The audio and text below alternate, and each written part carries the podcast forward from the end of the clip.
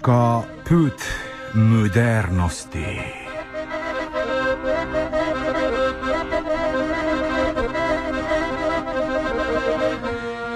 Turški oblasti pod vodstvom predsednika Rečepa Tajipa Erdogana je, kakor kaže, uspelo dokončno pokoriti turško vojsko, ki velja za garant sekularnosti v državi.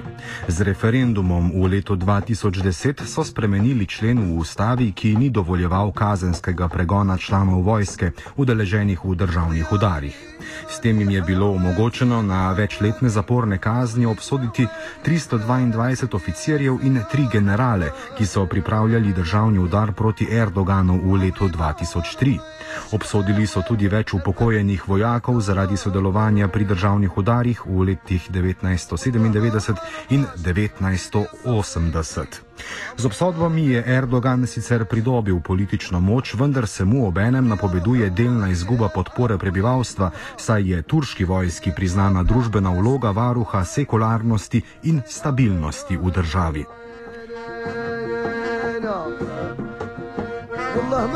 no braço, o regalinho. Doba moderne Turške republike se je začela v letu 1922 pod vodstvom Mustafe Kemala Paše, bolje znanega kot Atatürk, ki je po zmagi v boju za neodvisnost izpod imperialnih zavezniških sil razpustil sultanat in etabliral republiko z jasnim ciljem sekularne nacionalne države.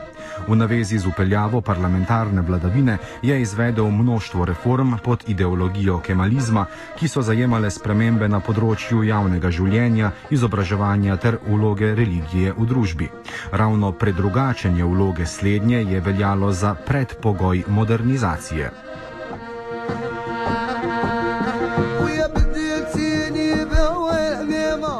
Že od samih začetkov v letu 1922 se v Turčiji odvija merjenje moči med progresivnimi in konzervativnimi silami. Ob tem je treba povdariti, da Atatürkov kemalizem ni nastrojen proti islamu ali verovanju na splošno, saj je bila ena prvih reform ravno medsebojna izenačitev verstev in svoboda veroizpovedi v privatnem življenju. Smotr reform je bila sekularnost države, torej spopad s političnim islamom oziroma s politizacijo religije, s čimer se veliko držav sooča še danes. Zaradi specifične zapuščine turške zgodovine in tradicionalno obsežne vloge religije je Atatürk kot zadnje varovalo sekularnosti predvideval vojsko, kar je bilo zapisano tudi v ustavi.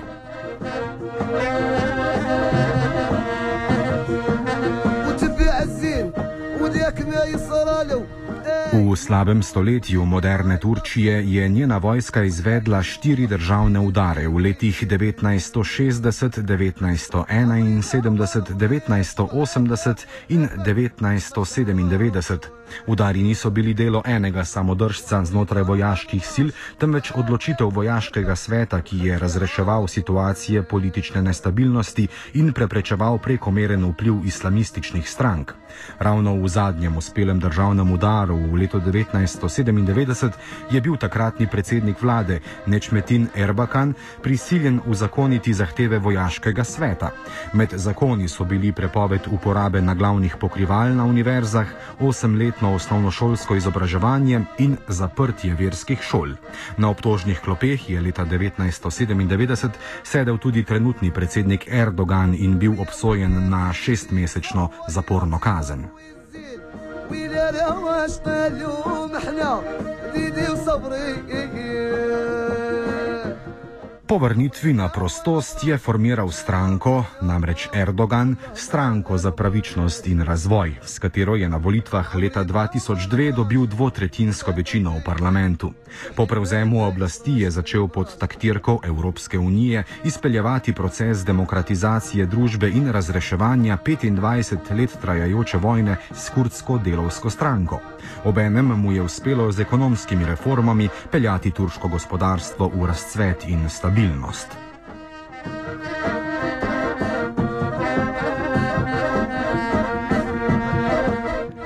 Glede na konzervativno bazo svoje stranke je bil del njegovih reform namenjen tudi povečanju moči religije v turškem političnem življenju. Rezultat so bile priprave na neizvedeni vojaški udar v letu 2003. Oddaljevanje korenčka evropskega članstva na nedoločen čas v prihodnost je Erdoganovo ravnanje usmerilo k stremenju k večji moči predsedniškega mesta in avtoritarnim prijemom glede svobode izražanja zapiranjem kritičnih novinarjev in cenzuro interneta. Z obsodbo 322 oficirjev in treh generalov si je, kot zaenkrat kaže, uspel podrediti tudi vojsko.